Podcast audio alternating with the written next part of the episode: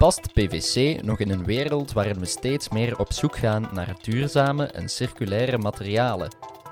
En zijn er nog mogelijkheden om PVC op een klimaatvriendelijkere manier te produceren? Welkom bij de podcast van architectura.be. In deze aflevering duiken we met drie experts in de wereld van PVC.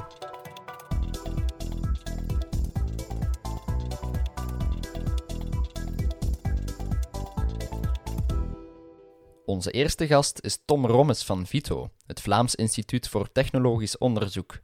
Expert in de circulaire economie, specifiek rond duurzaam materialenbeheer, duurzaam afvalbeheer, recyclage en levenscyclusanalyse. Naar de toekomst toe, als we erin slagen om meer en meer ook kringlopen te sluiten, dan is er zeker een plaats voor, voor plastics in het algemeen. Ik denk, we kunnen het kind niet met badwater weggooien en zeggen, ja, we moeten af van alle plastics. Dat lijkt mij heel kortzichtig. De tweede gast is Stijn Brancard, tot voor kort werkzaam bij VIBE, maar vandaag assistent-professor aan de TU Delft. Stijn heeft veel ervaring als onderzoeker naar de duurzaamheid en circulariteit van materialen. Eerst bij de VUB, later bij VIBE en sinds kort dus ook bij de TU Delft. Ja, PVC wordt in het algemeen niet echt met duurzaamheid uh, aanzien en er zullen altijd duurzaamheidskringen zijn waar die ook gewoon geen, die liever geen PVC gebruiken. En dat is uiteraard ook, ook begrijpelijk. Maar je ziet met verschillende materialen en die combinatie is ook interessant, omdat je daar dan natuurlijk echt voor die kringloopsluiting kan gaan, want PVC leent zich daar wel toe. En tenslotte Vincent Stone van de Europese Vereniging van PVC-fabrikanten en Vinyl Plus, Europees programma van duurzaamheid van de PVC-keten. Daar leidt hij enkele projecten rond recyclage en duurzaam gebruik van additieven in PVC. Wij denken natuurlijk uh, sterk dat we kunnen overleven dankzij de goede duurzaamheidsprestatie van, van, PVC. Dus voor de PVC-industrie, uh, duurzaamheid is een centraal, heeft, krijgt een centrale aandacht en het is al begonnen 20 jaar geleden. Nu we onze praatgasten kennen, gaan we over tot de orde van de dag. Maar eerst vermeld ik graag nog de vierde persoon achter de podcastmicro. Rick Neven, zaakvoerder van Palindroom, hij nam het interview af. Mijn naam is Stef Pennemans, ik stond in voor de opnames, montage en de voice-overs. We beginnen met het definiëren van PVC. En wat maakt dit materiaal nu zo uniek? Voor Vincent Stone van Vinyl Plus vormen vooral de vele toepassingen en lange levensduur belangrijke troeven van PVC. Ja, PVC is in feite de meest gebruikte kunststof in de, bouwsector en er zijn heel goed uh, gekend voor dat. Uh, PVC gaat heel lang mee, dus het is uh, ideaal voor toepassing met een lange levensduur. En natuurlijk ook hard PVC is heel, heel sterk, dus het geeft al de mechanische performantie die nodig in vele toepassingen. En uh, nu zien we dat PVC wordt ook meer en meer gekozen voor zijn hoog recycleerbaarheid. Dus we hebben meer en meer gerecycleerd PVC gebruikt in, in, in bouwproducten. Dus dat is ook een echt mooi troef voor, uh, uh, voor PVC. Natuurlijk andere kunststoffen ook kunnen gebruikt worden in, in, in de bouwsector, maar we hebben echt specifieke voordelen voor PVC. En in feite 40% nu van de kunststofgebruik bouw is PVC. Dus belangrijke toepassing is uh, raam- en deurprofielen, buizen, kabels, vloerbedekkingen, uh, alle uh, membranen. Dus uh, er zijn heel, heel, heel wat, wat, toepassingen beide voor uh, hard en uh, flexibel PVC. PVC is gemaakt op basis van fossiele grondstoffen. 43% bestaat uit, uit, olie of gas. En dat is net wat we willen vermijden met het oog op de klimaatproblematiek. Dat is waar, maar bon, kunst, PVC blijft de kunststof die het minst fossiele producten gebruikt. De rest van het product wordt gemaakt door, door, door, door met chloor, die geen uh, fossiele uh, product gebruikt. En uh, er zijn nu meer en meer ontwikkelingen om PVC te maken met biomateriaal. Dus er zijn veel, veel meer en meer ontwikkelen. Er zijn nu commercieel PVC die wordt gebruikt vanuit bioethyleen en bioethanol. Tom Rommes van Vito plaatst toch een kanttekening bij het gebruik van chloor als vervanger van fossiele grondstoffen. Maar vindt anderzijds ook dat we het kind niet met het badwater mogen weggooien. Ja, ik heb een kleine kanttekening daarbij, want je zegt wel, um, chloor is dan niet fossiel, maar als je gaat kijken waar die chloor vandaan komt, dan denk je dat die ook heel vaak uit zout bijvoorbeeld wordt gewonnen. En zout is dan toch weer een mineraal dat uit de grond komt. Mhm. Dus in die zin, ja, wordt vaak over het hoofd gezien, maar als je echt eens gaat doorgraven in de data, dan blijkt dat uh, heel veel van wat wij gebruiken toch nog altijd fossiel is. Nu, dit gezegd zijnde, dat, dat, hoeft, daarof, ah, hoeft daarom geen probleem te zijn. Hè. Ehm, ik denk naar de toekomst toe, als we erin slagen om meer en meer ook kringlopen te sluiten, ehm, dan is er zeker een plaats voor, voor plastics in het algemeen. Ik denk, we kunnen het kind niet met badwater weggooien en zeggen, ja, we moeten af van alle plastics. Dat lijkt mij heel uh, kortzichtig, want we hebben plastics nodig omwille van tal van positieve eigenschappen die ze toch wel hebben en die we niet terugvinden in veel biogebaseerde materialen. Maar als we die dingen gebruiken die, die, die ja, fossiel gebaseerd zijn, um, dan denk ik dat we toch moeten proberen van zo lang mogelijk ook die materialen in de kringloop te houden. Um, zeker ook met het oog op, op het hele klimaatverhaal. Plastics en, en PVC zijn in feite grotendeels koolstof. We hebben berekeningen gedaan bij Vito. Um, voor PVC kan je stellen dat eens die op de markt komt, dat er al ongeveer 2,5 kilogram CO2 de lucht is ingegaan voor de productie ervan en de, de conversie in, in, een, in een bepaalde vorm wordt dat gegoten. Dus dat vraagt allemaal energie en CO2. Wanneer je die dan simpelweg op het einde van het leven gaat verbranden, ja, dan komt er nog eens extra 2,5 kilo CO2 vrij.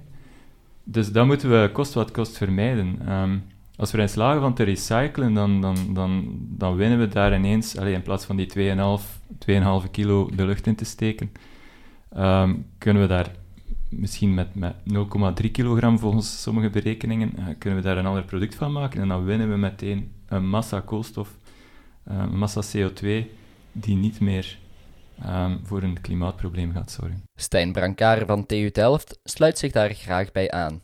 Voor PVC is het niet anders dan voor andere materialen. Het komt erop aan de kringloop zoveel mogelijk te sluiten. Dat is inderdaad het punt ook van die circulaire economie, die technische kringloop. Je begint nooit van nul. Je zit eigenlijk met heel veel materiaal in onze bebouwde omgeving nu en heel veel daarvan is inderdaad ook eh, PVC.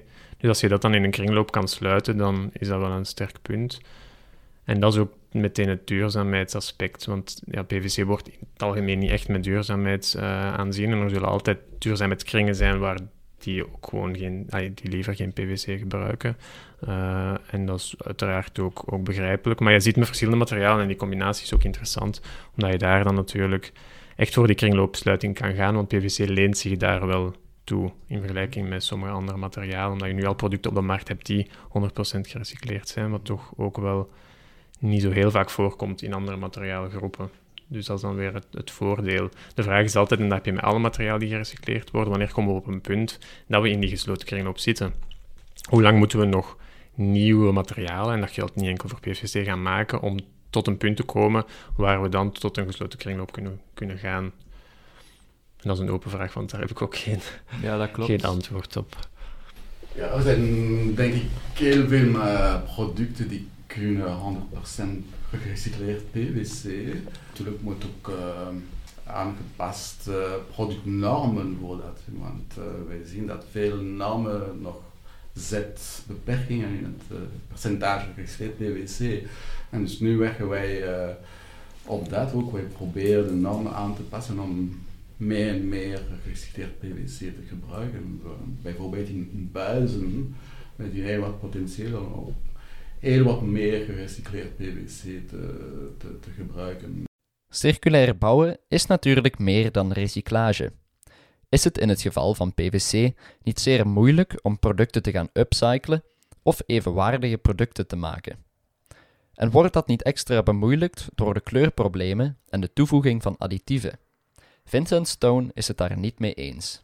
Voorhand recycling is, is altijd een goed ding als het natuurlijk gebeurt in een eco-efficiënte manier. Dus uh, uh, traffic management producten vinden wij niet dat een downcycling is uh, voor flexibel PVC.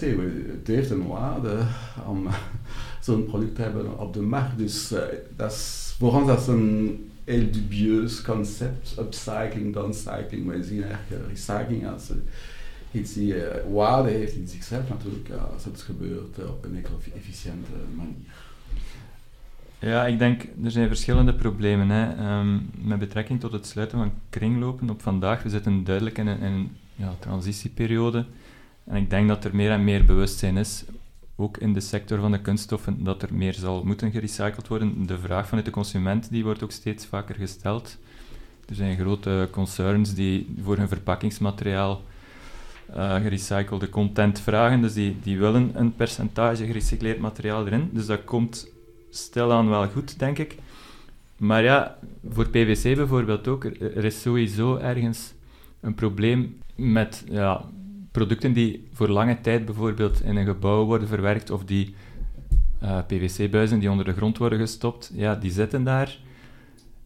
Er wordt dus een soort van grote voorraad aangelegd op vandaag, maar die zal er morgen nog niet ter beschikking zijn om, om te recyclen. Dat, dat is één punt. Dus het is, het is ook niet zo als wij zouden willen vandaag 100% gerecycled PVC maken, dan zou er onvoldoende afval ter beschikking zijn om, om dat target al te halen. Dat, dat is punt 1. Dus we moeten sowieso nog ergens een, een tijdje wachten tot die voorraad terug ter beschikking zal komen. Um, en ten tweede, ja, de technologie staat nog niet helemaal op punt. Er, er zijn al ma manieren om op een mechanische manier PVC te gaan recyclen. Ik weet niet hoe ver het staat met, met chemische recycling. Voor PVC heb ik daar zo geen zicht op maar er wordt wel naar gezocht. Ehm, en in dat verband is er toch ook wel um, nood aan een, een, slimmer design van sommige producten, denk ik. Dus eco-design is ook wel iets waar we nog heel wat stappen moeten zetten. Um, en daarmee bedoel ik dat, dat veel kunststofproducten in het algemeen op vandaag veel te complex in elkaar zitten. En we moeten ons toch eens de vraag stellen of dat, dat wel nodig is. Um, welke eigenschappen hebben we nu precies nodig voor welke toepassing? Hebben we voor sommige toepassingen niet veel te complexe producten bedacht ondertussen en, en moeten we daar niet terug een stap terugzetten, gewoon om het dan ook makkelijker te maken om producten te gaan recyclen? En dat zijn toch dingen waar we eens moeten over nadenken. Nou ja, voor het eco-design dat is duidelijk dat er een inspanning moet gedaan worden. Ik denk misschien aan het voorbeeld van medische producten. Zijn, ik ben in feite nu aan een uh, nieuwe recycling uh, schemes te ontwikkelen, waarin plus met en we proberen PVC, uh, postconsumer PVC afval van ziekenhuis te inzamelen en te recycleren samen met drafplastics en, en energie. En ja, dat is de challenge dat wij hebben, dat vaak deze product verschillende kunststoffen gebruiken. En wij praten nu met de, de, de verwerkers van de, de, deze producten met, met deze challenge. Dus wij proberen met zo'n soort project de, de fabrikant van deze product bewust te maken dat zij, zij moeten voor een, een beter eco ontwerp van, hun product. Dus, en ik denk, dat natuurlijk PwC uh, uh, kan heel wat verschillende toepassingen hebben. Het kan hard, zacht PwC hebben. Dus ik denk dat wij, dat is een ideaal materiaal om een monomateriaal product te, kunnen maken, zeker in, in, de, medische sector. Ja. Heeft uh, de slechte reputatie ook niet heel sterk te maken met het probleem van de single-use plastics? Uh, dat een wereld van verschil is met bijvoorbeeld uh, kunststoframen. Ja, evenals PVC wordt niet veel gebruikt in single-use plastics, alleen maar 8-9% van, het volume wordt in, gebruikt voor verpakking of medische toepassingen. Uh, maar voor de medische toepassing wij, werken heel hard om recyclage te verhogen vanuit ziekenhuizen. Wij zijn gestart in andere, in verschillende landen en nu zijn aan het start in, in België. Voor een circulaire economie is het terugnamesysteem van cruciaal belang. Zijn er bij PVC's voldoende mogelijkheden om hier terugnamesystemen te creëren? Denk ik zeker wel. Ik denk dat het vooral belangrijk is om daar naar samenwerkingen ook te kijken, omdat je natuurlijk verschillende elementen of verschillende stakeholders binnen die dat waardenetwerk gaat hebben die daarbij betrokken zijn. Namelijk terugnemen, ook het plaatsen, het weghalen en dan uiteindelijk het recycleren, het herwerken naar nieuwe producten. En ik denk dat PVC zich daar goed toe leent, in die zin dat het ook vaak um, selectief kan ontmanteld worden. Dus kan ramen, kan je, raamkaders kan je normaal gezien, um, al is het niet volledig non-destructief, zeker wel um, gescheiden afvoeren. Hetzelfde geldt voor buizen. Voor vloeren is dat soms een grotere uitdaging. En folies, ik denk dat daar misschien um, nog wat meer uitdagingen liggen. Maar ook daar, met het juiste design, denk ik dat daar wel heel veel potentieel in zit.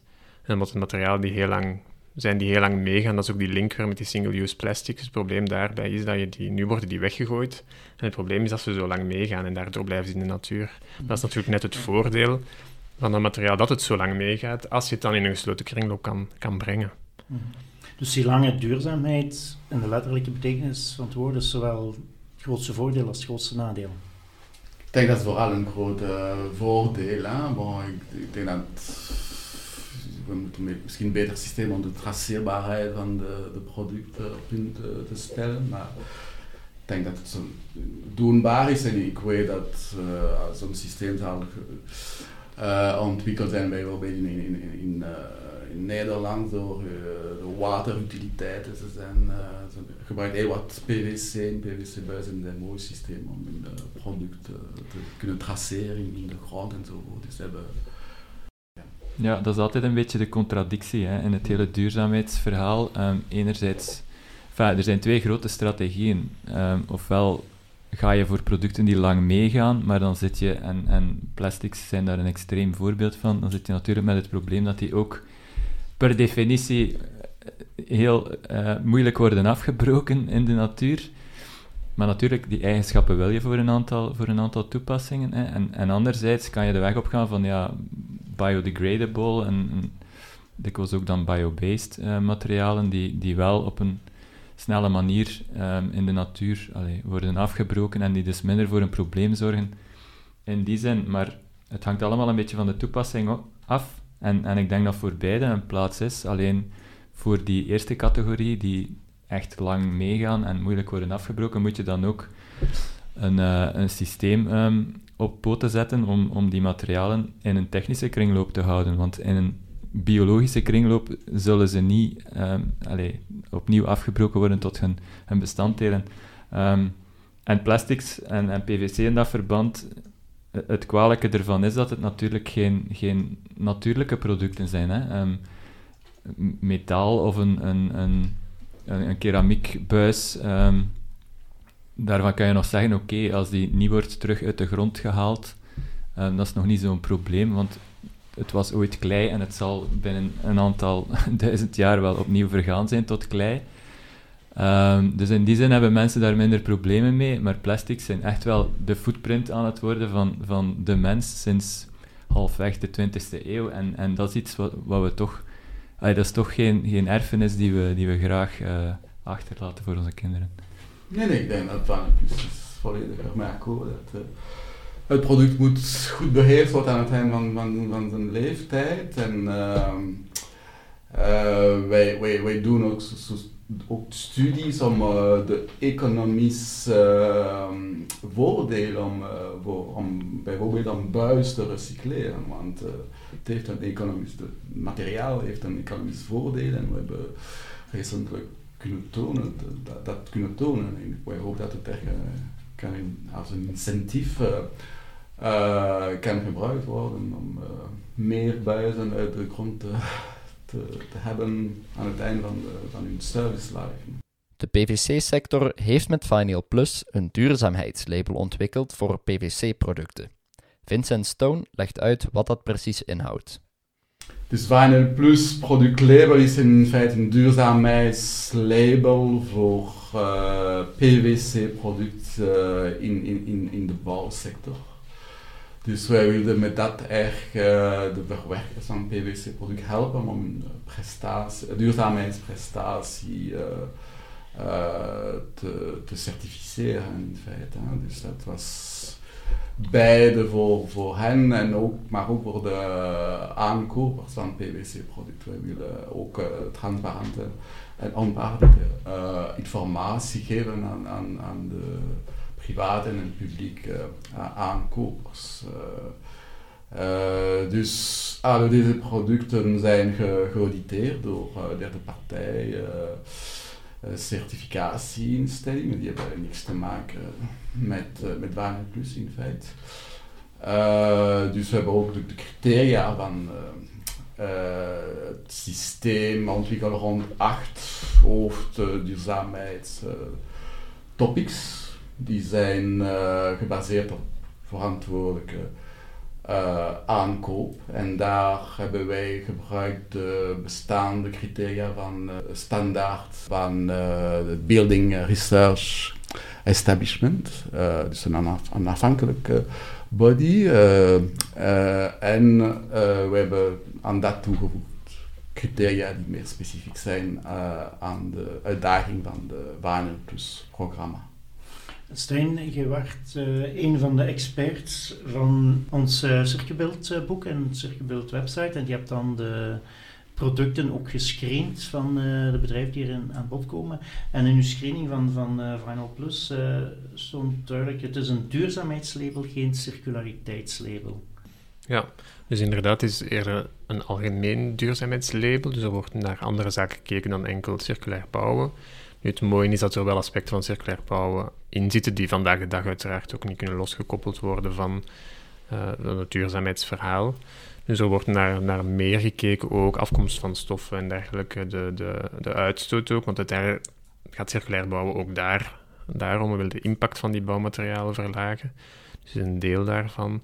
Maar wordt algemeen eigenlijk gekeken naar die impact doorheen het volledige productieproces en dan circulair bouwen is wel een aspect dat daar aan gelinkt wordt, zeker met de recyclage dan, die natuurlijk ook niet nieuw is, die natuurlijk nu met het verhaal van circulair bouwen in een ander kader wordt geplaatst als een deel van.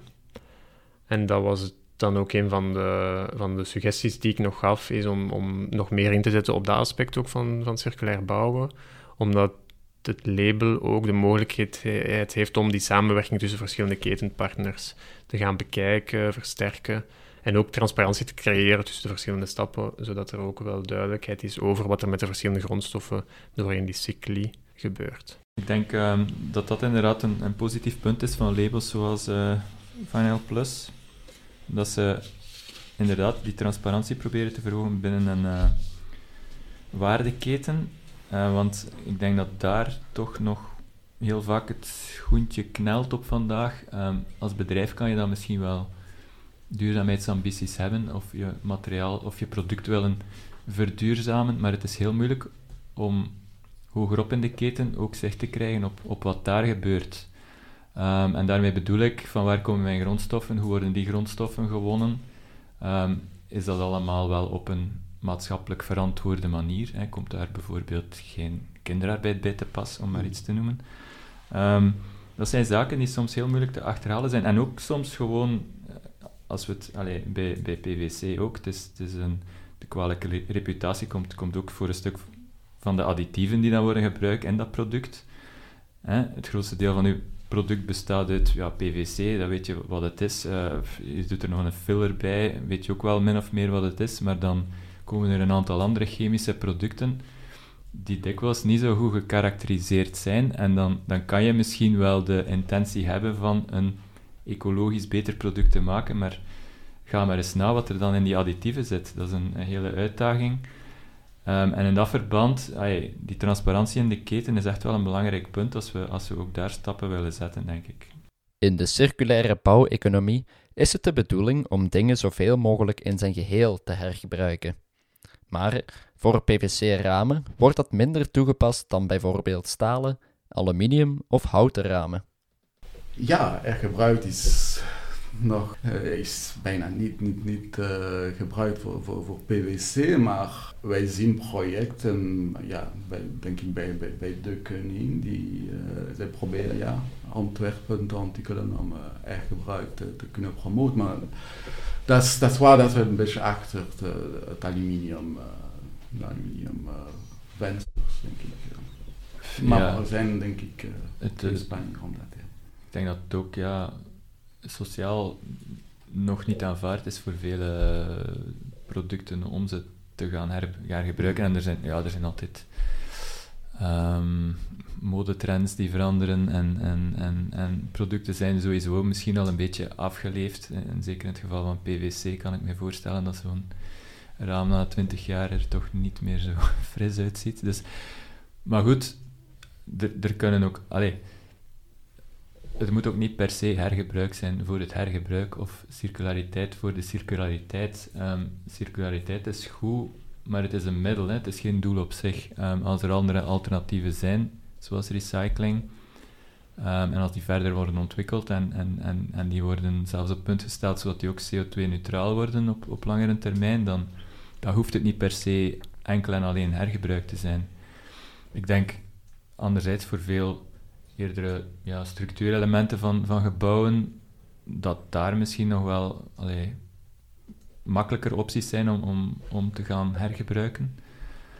Maar daar ook stoot je op problemen van ja, standaardisering of, of allerhande regelgeving, ook, ook naar, naar liability van, van producenten uh, en, en naar ja, kwaliteitseisen die dan moeilijker te testen zijn, enzovoort, enzovoort. Er is een heel kader rond dat nog, nog niet nog niet toelaat in veel gevallen om, om te gaan hergebruiken op grote schaal. Ja, nee, en het hangt ook heel veel af van productgroepen. Omdat je voor, een, voor ramen zie je, ook aluminium, staal, hout, is het moeilijk, omdat de ramen die we vandaag vinden in gebouwen voldoen ook niet aan de eisen die we dan vandaag stellen. Dus hopelijk kan dat natuurlijk in de toekomst verbeteren, maar daar zit je natuurlijk mee. Gevelelementen zijn altijd iets moeilijker. Er zijn natuurlijk afwerking. Dus ik denk dat daar binnen PVC heb je ook een waaier aan verschillende toepassingen. Dus ik denk dat er misschien andere producten zijn die zich daar beter toe lenen mm. of zullen lenen. Uh, ik denk ook aan buizen die je makkelijk kan testen op hun, op hun performance. En natuurlijk is de vraag nog altijd wat is dan de overblijvende, de resterende levensduur. Maar ook esthetische elementen zijn daar veel minder van belang, of zelfs niet van belang. Dus daar heb je misschien andere mogelijkheden. Maar dat geldt zo voor alle producten. En ik denk dat dat belangrijk is. Ja, ik ga voor geen enkel product zeggen van ja, 100% duurzaam of 100% niet duurzaam. Je moet eigenlijk kijken van op welke manier ga je toepassen. Ook binnen circulair bouwen, dat is niet één cyclus, dat zijn een aantal verschillende cycli. Je kan van één cyclus naar een andere cyclus overgaan en dergelijke. En de vraag is vooral ja, op welk, welk pad ga je volgen met welk product. Ik denk dat het wel belangrijk is dat je dat, dat, dat ook wel wordt geëxpliciteerd bijvoorbeeld via een label, maar ook vooral dat consumenten bijvoorbeeld ook weten ja, wat er met dat product gebeurt en kan gebeuren nog in de toekomst. De PVC-sector is in volle evolutie. Maar zal het materiaal overleven? En waar zal de sector binnen enkele decennia staan? Denken natuurlijk uh, sterk dat we kunnen overleven dankzij de goede duurzaamheidsprestatie van, van, van PVC. Dus voor de PVC-industrie. duurzaamheid is een centraal, heeft, krijgt een centrale aandacht en het is al begonnen 20 jaar geleden. Dus we hebben een beetje deze aspect gepioneerd in de kunststofsector. Uh, dus wij, wij denken dat wij, we zijn goed voorbereid in feite voor alle deze uitdagingen rond duur, duur, duurzaamheid. dus we hebben een systeem in plaats, programma die echt de gaans waardeketen betrokken. Dus, en wij ook werken met andere regio's natuurlijk. Wij ervoor zorgen dat het geïmporteerd product ook dezelfde eisen hebben qua, qua duurzaamheid. Dus wij zijn echt duurzaamheid als een uh, belangrijke uh, troef voor in, in de toekomst. Ja, ik denk ook wel dat de plastic sector in het algemeen tot het besef gekomen is dat ze wel een belangrijke verantwoordelijkheid hebben op dat vlak. Hè, en dat ze allee, toch deel van het probleem zijn dat er ondertussen is, ehm, maar dat zij natuurlijk ook de sleutel zijn tot de oplossing. En, en ik hoop dat ze dat dus ook in de komende decennia waarmaken. En de grote uitdaging is natuurlijk voor heel die sector om um, uit dat fossiel verhaal um, los te komen en dan inderdaad te komen tot die, ja, dat kringlopenverhaal van, van koolstofgebaseerde moleculen. Hè, of dat die dan uh, van origine fossiel zijn geweest, of ze zijn biobased geweest, of ze komen... Ze, kunnen evengoed uit, uit de captatie van CO2 uit de lucht komen, whatever. Uh, het punt is dat ze, dat ze in die kringlopen moeten gehouden worden. En, en daar zit de gigantische uitdaging voor ja, de komende... Allee, op korte termijn in feite, als we onze klimaatagenda ook willen uh, waarmaken, moet dat in de komende 30 jaar gerealiseerd worden. En dat is niet zomaar eventjes... Uh, allee, dat, is, dat is enorm, uh, enorm veel werk. Stijn, hoe ziet jij de sector voor de PVC-sector? Ja, ik denk inderdaad ook dat dat de grootste uitdaging is, zoals Tom zegt, die, ja, die, naar die gesloten kringloopeconomie gaan. En dat is niet enkel de uitdaging uiteraard van de PVC-industrie, want dat is de uitdaging van de, van de bouwsector of de maakindustrie in het algemeen. En dat is natuurlijk een uitdaging, en zeker in de bouwsector. Dus je hebt natuurlijk de plastic-industrie die, die grote impact heeft, maar de bouwsector ook. Dus zeker dan die plastics in de bouwsector. Omdat je daar ook, ja, je, ja, minder is inderdaad altijd beter, maar je kan ook niet stoppen met bouwen. Dus we zitten ook daar met uitdaging om nu nog een keer veel te gaan renoveren, kwalitatief te gaan renoveren ook. En we gaan daarvoor alle materiaalgroepen nodig hebben. We kunnen dat ook niet enkel met hout gaan realiseren. Uh, dus PVC zal daar zeker ook een rol in hebben. Dus ik denk dat dat, dat is waar ik naar uitkijk, om te kijken in de volgende decennia hoe die dingen ook samen gaan. En ik denk dat er wel aanwijzingen zijn dat binnen de, nu de huidige transitie naar een circulaire bouweconomie, dat er wel veel aanknooppunten zijn, maar de uitdagingen zijn ook nog groot. Um, nu, als ik zie wat er de voorbije vijf jaar al is gebeurd en veranderd, ben ik wel hoopvol dat als we nog eens 15, 15, 20 jaar verder zijn, dat de bouwsector er wel anders zal uitzien. Ja, ik denk ook dat we, allee, dat we wel hoopvol kunnen zijn. Het is ook niet, niet zo'n donker verhaal. Er is heel veel technologie ondertussen. Um, het is kwestie van die, die op te schalen en, en er zullen heel grote investeringen nodig zijn, maar er kan al heel veel denk ik. Um, in theorie, allee, de routes die voor ons liggen om, om tot die klimaatdoelen te halen, die, die zijn in theorie wel, wel haalbaar. Alleen ja, de snelheid zal, uh, zal moeten gerealiseerd worden. En, en, dat is een beetje waar ik soms wel wakker lig. Um, dus puur technologisch kan er heel veel en, en denk ik dat het goed zit. En, en zie ik heel veel ontwikkelingen in de goede richting en, heel veel goodwill. Um, alleen om het gerealiseerd te krijgen op zo'n korte termijn, dat wordt een, uh, serieuze uitdaging. Ja, uh, ik denk dat het moet ook een inspanning zijn van de, de autoriteit. Ik denk dat uh, de wetgeving moet ook zo'n transitie vermakkelijken. En de industrie heeft altijd duidelijk nodig, voor duidelijkheid nodig om te investeren. Uh, nu zijn wetgeving die worden voor jaren gelicenseerd. Dus dat is altijd moeilijk voor de industrie om beslissingen te, te nemen. Dus uh, nee, nee, ik denk dat de, de, de autoriteit moet ook uh, hun verantwoording nemen en duidelijk wetgeving ontwikkelen om, om zo'n transitie te kunnen, te, te kunnen maken samen met de industrie. Er is ondertussen al zeer veel uitgeklaard over PVC. Toch bestaan er ook heel veel misvattingen rond. Welke zijn nu de grootste misverstanden? Er is heel veel uh, misverstanden, denk ik, rond chloor. Bijvoorbeeld, chloor wordt beschouwd als een uh, devil atoms. En uh, ik heb nooit echt gezien uh, valabel argument voor, dat, want chloor wordt in zeewater, het wordt gebruikt in veel uh, geneesmiddelen, dus het heeft heel, heel belangrijke toepassing voor, voor chloor. Dus uh, nu uh, nieuwe processen zijn ontwikkeld geweest om geen meer mercury te, te, gebruiken of zo, zo, zoiets. Dus ik, ik, denk, ik denk dat, dat dat was echt de, de grootste misverstand met, met PVC. Dat, was chloor. En, uh, ik denk dat er in het algemeen heel vaak misverstanden zijn rond de aanwezigheid van een toxisch element ergens in een product en het risico dat, daardoor, dat daaraan vasthangt.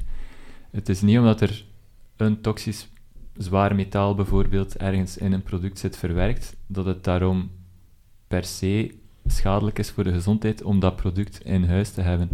Ik zeg maar iets. En, en dat wordt heel vaak uh, vergeten. Er is enerzijds eh, de karakteristieken van, van het product en, en, en de elementen die erin zitten. Anderzijds zijn er blootstellingsroutes of, of, die dan zorgen voor uiteindelijk een, een bepaald gezondheidsrisico. Maar de link tussen beide, um, vaak wordt dat, wordt dat allemaal uh, in één pot uh, gegooid en, en zijn mensen direct bang als ze zien dat er ergens iets aanwezig is. Terwijl Um, en daar opnieuw, het is wel belangrijk van die, die zaken te testen. Hè. Bijvoorbeeld emissietesten voor, voor bouwproducten, uh, allerhande, waar ook steeds meer aandacht voor is. Um, zorgen bepaalde producten niet voor een schadelijk binnenmilieu en wordt uw, de lucht in uw huis niet, niet toxisch doordat dat product daar aanwezig is. Dat, dat is belangrijk om dat te onderzoeken, maar dat gaat over de blootstellingsroutes. Dat gaat niet, niet, niet echt enkel over het feit dat daar een toxisch product aanwezig is. Dus uh, dat soort van dingen, daar bestaan heel veel misverstanden rond, denk ik. En, en zijn mensen veel te snel gealarmeerd. Ja, ik ga volledig akkoord natuurlijk. Uh, een andere groot misverstand is dat PVC wordt gemaakt door met gevaarlijke stoffen. Maar natuurlijk, wij, uh, deze, gevaarlijke stoffen om het polymeer te, te maken. Polymeer zijn grote moleculen die niet gevaarlijk zijn. En de gevaarlijke stoffen in het eindproduct zij zijn niet meer aanwezig. Of, uh, minder dan uh, eh, 1 ppm van de huidige monomeer in de, de huidige PVC-graad. Dus is, ja, maar in dat verband is het dan wel weer belangrijk van goed zicht te hebben op de toeleveringsketen van die gevaarlijke stoffen, want bij de productie daarvan kan ik mij voorstellen, als dat gebeurt ergens in een, een land waar het niet zo nauw steekt met allerhande veiligheidsstandaarden, gebeuren er soms wel ongevallen die kunnen vermeden worden. Hè. Dus allee, in die zin opnieuw een label zoals Van L Plus um, kan ik me voorstellen kan daartoe bijdragen dat er ook meer um, awareness rond, rond um, ontstaat en dat bedrijven ook daar hun verantwoordelijkheid nemen. Ja, dus dat, dat is de reden waarom vanaf 95 hebben wij deze uh, ICVM charters op punt gesteld, waar duidelijk uh, vermeldt hoeveel maximum we kunnen uh, hebben van deze gevaarlijke stof in het eindproduct, maar ook hoeveel uitstoot kan getolereerd worden op de, de productiesite. Dus wij, dat is al lang geleden dat de PVC-industrie in Europa tenminste dat rekening gebracht heeft. Zo, we zijn alweer bijna aan het einde van onze podcast beland. Maar naar goede gewoonte sluiten we altijd af met een architectuurquote van onze gasten. Normaal is dat een quote van een geapprecieerde architect. Maar in deze podcast brengt iedereen zijn favoriete quote rond duurzaamheid. Stijn begint. Ik heb gekozen voor een heel eenvoudige, namelijk duurzaamheid of duurzaam bouwen is een kwestie van gezond verstand. Kan ik niet echt aan één iemand toeschrijven, ik gebruik hem zelf ook regelmatig. Dat vind ik een heel belangrijke, omdat je ziet in, in het verhaal is heel veel nood aan nuance. Er, zijn heel veel, er is ook heel veel complexiteit. Er zijn heel veel vragen. Je kan niet van één materiaal zeggen dat is duurzaam of dat is helemaal niet duurzaam. er zijn altijd vragen. Bij alle materialen komen die vragen op. Zelfs bij biologisch gebaseerde materialen komen ook vragen over additieven of over de afbreekbaarheid. En eigenlijk merk je wel, en dat vind ik een fijne, als je over duurzaamheid bezig bent, dat als je logisch nadenkt, vaak zijn die, gaat het daarover, gaat het over logisch nadenken. Ook circulair bouwen is voor mij een kwestie van logisch nadenken. Als je afval creëert, maar je kan in plaats, in plaats van afval te creëren, nieuwe grondstof creëren om daarmee terug aan de slag te gaan, dan is het voor mij een logische keuze om dat te doen, los van duurzaamheid, los van economische zaken, is dat voor mij de meest logische keuze daar. Dus daarom gebruik ik die quote graag. Um, die van mij is een beetje diepzinniger. Um, nee, ik denk, we erven de aarde niet van onze voorouders, maar we lenen haar van onze kinderen. Waarmee ik bedoel in dit verband dat we vooruit moeten kijken. En dat we moeten oplossingen zoeken voor het toekomstig grondstoffenprobleem van onze kinderen en de generaties na ons. En dat we niet enkel moeten oplossingen zoeken voor een afvalprobleem dat wij in het verleden hebben gecreëerd. En ik denk voor plastics dat we op dat punt staan nu en, en dat dat besef wel degelijk aan het groeien is. Ja, ik zou graag zeggen dat PVC kan duurzaam beheren zoals alle andere bouwmateriaal. Dus uh, ik denk dat ieder materiaal moet een kans hebben wanneer we willen uh, duurzaam gebouw uh, hebben. Dus PVC kan even goed duurzaam beheerd worden als an alle andere bouwmaterialen. Dat was een duidelijke afsluiter van deze podcast. Wij bedanken onze praatgasten Tom Rommes, Stijn Brancard en Vincent Stone voor hun bijdrage aan deze nieuwe aflevering van de architectura.be podcast. Blijf de podcasts en de website van architectura.be zeker volgen. Tot horens!